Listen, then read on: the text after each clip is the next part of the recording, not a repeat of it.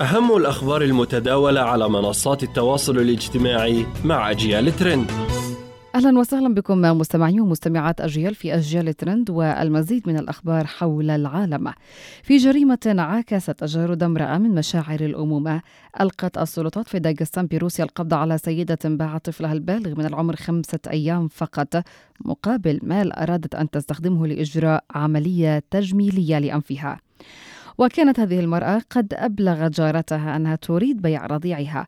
بعد أيام من إنجابه لتساعدها وتجد زوجين يرغبان. وبالفعل وجدت الجارة زوجين لشراء الرضيع وسلمته الأم لهما مقابل دفع مبلغ قدره 274 جنيها استرلينيا. وعندما احتاج الرضيع إلى علاج طبي طلب الزوجان شهادة ميلاد لهذا الرضيع ولكنها لم تسلمهما إلا مقابل 1370 جنيها استرلينيا آخرين.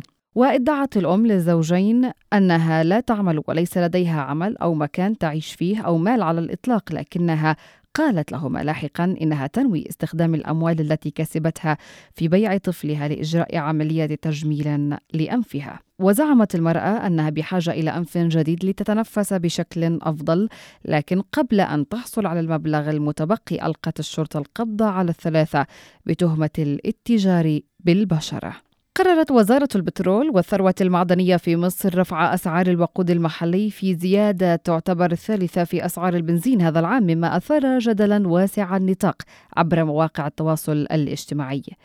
بين مندد وغاضب وبين من أنحى بالملامة في هذه الزيادة على سياسة الحكومة.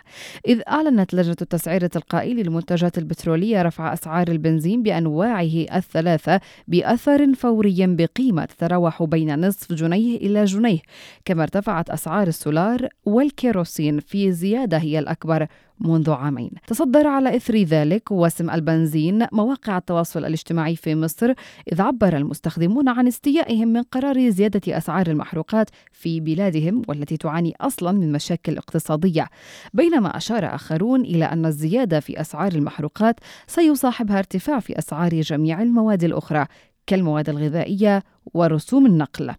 البعض أشار بأصابع الاتهام إلى الحكومة المصرية وعلى رأسها رئيس البلاد عبد الفتاح السيسي في هذه الزيادة وعلى الرغم من أن ارتفاع أسعار البترول العالمية أزمة يمر بها العالم ككل على إثر الغزو الروسي لأوكرانيا. لكن في المقابل أشار فريق من المغردين إلى أن مصر لا تزال من أرخص البلدان عالميا بالنسبة لأسعار المحروقات ونشروا صورا تقارن أسعار البترول في مصر بالأسعار في بلدان أخرى حول العالم.